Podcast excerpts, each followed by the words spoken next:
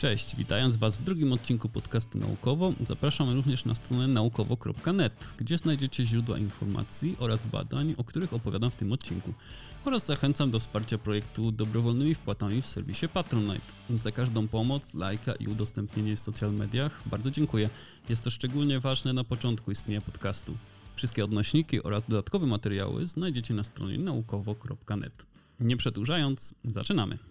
A zaczynamy od zimy, której po prostu nie lubię. Ja wiem, że śnieg, białe szaleństwo i piękne górskie krajobrazy, ja to wszystko rozumiem i doceniam, ale podczas niskich temperatur po prostu źle się czuję. Dzięki naukowcom z Instytutu Zaawansowanych Technologii Chińskiej Akademii Nauk w Shenzhen chyba będę musiał zmienić zdanie. Odkryli oni bowiem, że temperatura ciała ma większy wpływ na długość życia niż tempo przemiany materii.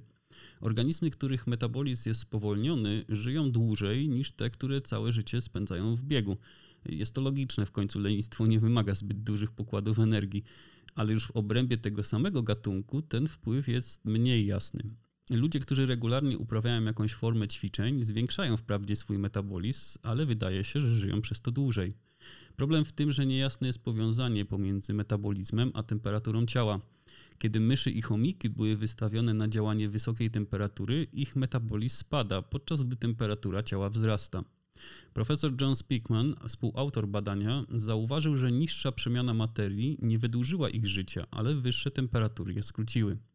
W badaniu tym podnoszono temperaturę ciała w tym samym czasie, gdy spadało tempo metabolizmu, co pozwoliło na eksperymentalne rozdzielenie wpływu temperatury i tempa przemiany materii na długość życia.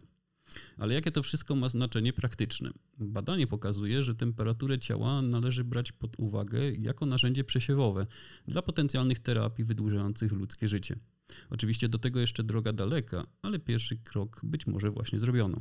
Ale dość o zimnie, teraz skupmy się na słońcu, a konkretnie na technologii, która pozwala to słońce wykorzystywać. Służą do tego panele słoneczne, które to należy utrzymywać w czystości, gdyż kurz powoduje obniżenie ich wydajności. Jak zatem wykąpać panele? Oczywiście można wodą, ale to niezbyt rozsądne, zwłaszcza na pustyniach, gdzie znajdują się ogromne farmy słoneczne. Marnotrawienie wody jest gigantyczne. Szacuje się, że dla wszystkich paneli zużywa się 37 miliardów litrów wody rocznie, tylko do ich czyszczenia. Naukowcy z MIT twierdzą, że mają na to rozwiązanie.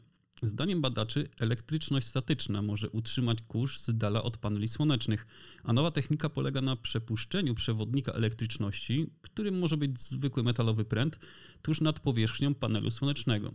Naukowcy obliczyli, jaki zakres napięcia należy przyłożyć, aby pokonać siłę grawitacji i siły przylegania, dzięki czemu cząsteczki pyłu są odpychane od powierzchni aż do momentu odpadnięcia. Rozwiązanie można zamontować na dowolnym panelu, a pole może być generowane przez silnik elektryczny zasilany z samych paneli. Minusem tej metody jest to, że działać będzie w środowiskach, w których wilgotność powietrza wynosi 30% lub więcej, ale akurat pustynie z farmami kwalifikują się świetnie. Stworzono już prototyp laboratoryjny takiego rozwiązania i wykazano, że jest ono bardzo skuteczne w usuwaniu kurzu. Czekamy zatem na rozwiązania komercyjne. Jak pewnie wielu z Was nie ma problemu z usuwaniem kurzu z paneli słonecznych, tak większość z nas ma problem z usuwaniem komarów z otoczenia. Poza tym, że są one denerwujące, to niewątpliwie można je zaliczyć do jednych z najbardziej niebezpiecznych zwierząt rozprzestrzeniających się na całym świecie. Jeden z gatunków komara, który wcześniej występował tylko na kontynencie afrykańskim, występuje już w co najmniej 22 krajach poza Afryką. A są to nosiciele dengi, zika, żółtej gorączki i innych chorób przenoszonych poprzez krew. I tu do gry wchodzi genetyka. Oxitec, firma biotechnologiczna, opracowała szczep komara, którego nazwała Friendly. Wszystkie zmodyfikowane komary są samcami i posiadają gen, który zapobiega rodzeniu się samic w kolejnych pokoleniach. Nie ma samic, nie ma dzieci. Po uwolnieniu zmodyfikowane samce komarów rozmnażają się z dzikimi samicami, przekazując pożądaną sekwencję genów do następnego pokolenia. Samice w następnym pokoleniu nie rodzą się, a wszystkie samce, które powstają, mają ten sam gen, co pozwala im kontynuować cykl przez kilka pokoleń. Czy to działa? Amerykańska Agencja Ochrony Środowiska zezwoliła na wypuszczenie eksperymentalnie zmodyfikowanych komarów na Florydzie i w Kalifornii. Chociaż rząd federalny wyraził zgodę na program, to przed jego rozpoczęciem konieczne jest uzyskanie zgody stanów, w których będą wypuszczane komary. Naukowcy będą mogli wypuścić około 2,5 miliarda zmodyfikowanych komarów do kwietnia 2024 roku. Tym będzie nie tylko ograniczenie populacji komarów.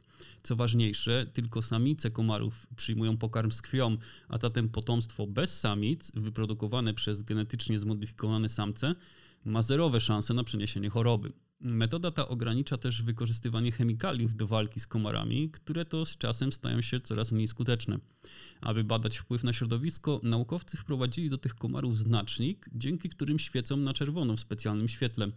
Co ważne, ta modyfikacja genetyczna jest specyficzna dla danego gatunku i nie ma żadnych dowodów na przenoszenie się na inne organizmy. Oby był to początek końca komarów, ograniczenie ich liczby będzie bardzo korzystne, tak jak ograniczenie ilości neuronów, które wykorzystywać może sztuczna inteligencja. Nasze mózgi składają się z około 86 miliardów neuronów, co czyni je niezwykle zaawansowaną strukturą. Chcąc przenieść tę konstrukcję na sztuczną inteligencję, próbuje się upchnąć jak najwięcej neuronów na jak najmniejszej przestrzeni.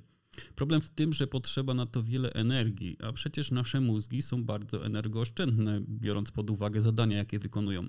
W końcu zabraknie nam energii, którą można wykorzystać, jeśli z biegiem czasu będziemy podwajać lub potrajać wymagania dotyczące wykorzystywania energii przez duże sieci neuronowe. Zespół naukowców z Berlina odkrył, że można wykonać podobną funkcję, przypisując różną wagę jednemu neuronowi w czasie, zamiast rozkładać dużą ilość neuronów w przestrzeni. Nasuwa się oczywiście pytanie, czy jeden neuron może osiągnąć taką samą wydajność jak miliardy. Wstępne testy są obiecujące. System z pojedynczym neuronem usuwa na przykład szum ze zdjęć, co uważa się za dość zaawansowane działanie współczesnej sztucznej inteligencji.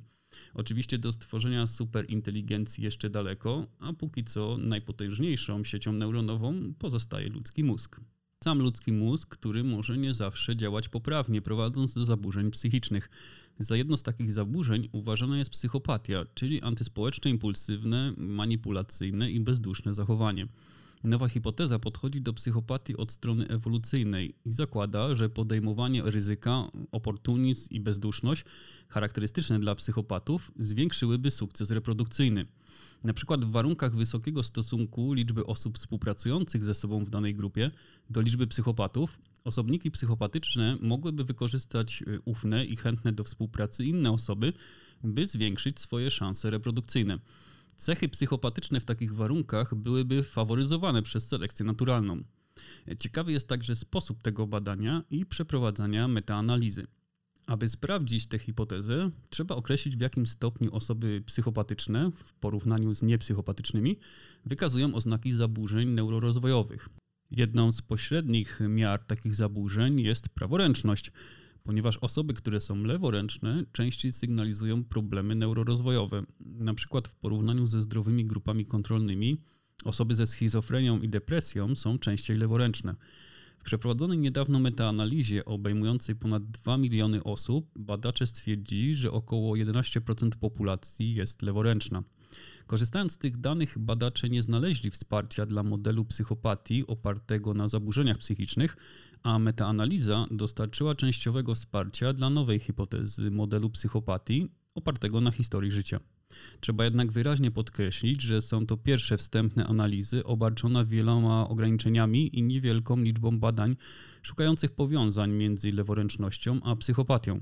Potrzebne są tu więc dodatkowe liczne badania. Takie badania prowadzone są przy użyciu zaawansowanych technologii w odniesieniu do kolejnego tematu, czyli dużych stad ptaków, liczących czasem tysiące osobników, zbierających się około godziny przed zachodem słońca w pobliżu miejsc, w których będą spać. W Polsce mogliście widzieć takie stada szpaków, wydające charakterystyczny ogłos szemrania poprzez uderzenia setek skrzydeł. Stado takie nieustannie zmienia kierunek lotu, tworzy wirujące plamy, ósemki, kolumny lub inne kształty, poruszając się z prędkością nawet do 80 km na godzinę. Po około pół godzinie takiego powietrznego pokazu wszystkie ptaki jednocześnie udają się na nocleg. I po co to wszystko? Korzyści może być wiele. Po pierwsze, może być to wizualne zaproszenie dla innych osobników do spędzenia nocy wspólnie w stadzie, w końcu w grupie zawsze cieplej.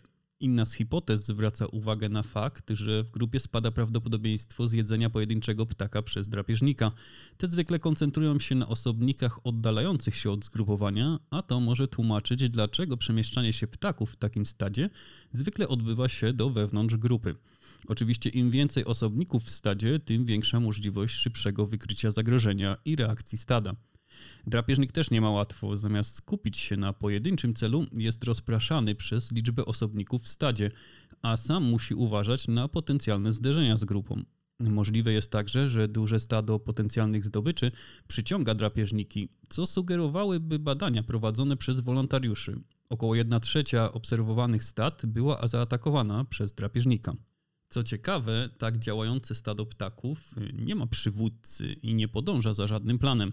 Zamiast tego naukowcy uważają, że ruchy są koordynowane przez szpaki obserwujące, co robią inne ptaki wokół nich. Osobniki w środku mogą widzieć stado ze wszystkich stron, śledzą jak porusza się stado jako całość i odpowiednio się do niego dostosowują. Z matematycznych symulacji wynika, że każdy ptak musi śledzić siedmiu sąsiadów i dostosowywać się do ich zachowań, aby nie dopuścić do rozpadu stada. Takie badania ptaków mogą mieć znaczenie także dla człowieka, na przykład przy opracowywaniu metod poruszania się samochodów autonomicznych, które będą jeździć w ciasnym szyku i pracować w skoordynowanych grupach, nie zderzając się ze sobą. Zostajemy w świecie zwierząt, ale schodzimy na ziemię, aby wejrzeć w emocje świnek. Międzynarodowy Zespół Badawczy, koordynowany przez Uniwersytet Kopenhaski, postawił sobie za cel poprawę dobrostanu tych zwierząt hodowlanych poprzez odczytywanie ich emocji z charakterystycznych chrząknięć, jakie wydają świnie. Korzystając z ponad 7 tysięcy nagrań dźwiękowych świń, zbieranych od narodzin aż do śmierci, badacze opracowali algorytm, który potrafi rozszyfrować, czy dana świnia przeżywa emocje pozytywne, negatywne, czy też może coś pomiędzy. Istnieją wyraźne różnice w nawoływaniach świń, gdy przyjrzymy się sytuacjom pozytywnym i negatywnym. W sytuacjach pozytywnych nawoływania są znacznie krótsze, z niewielkimi wahaniami amplitudy. W szczególności chrząkania zaczynają się wysoko i stopniowo zmniejszają swoją częstotliwość.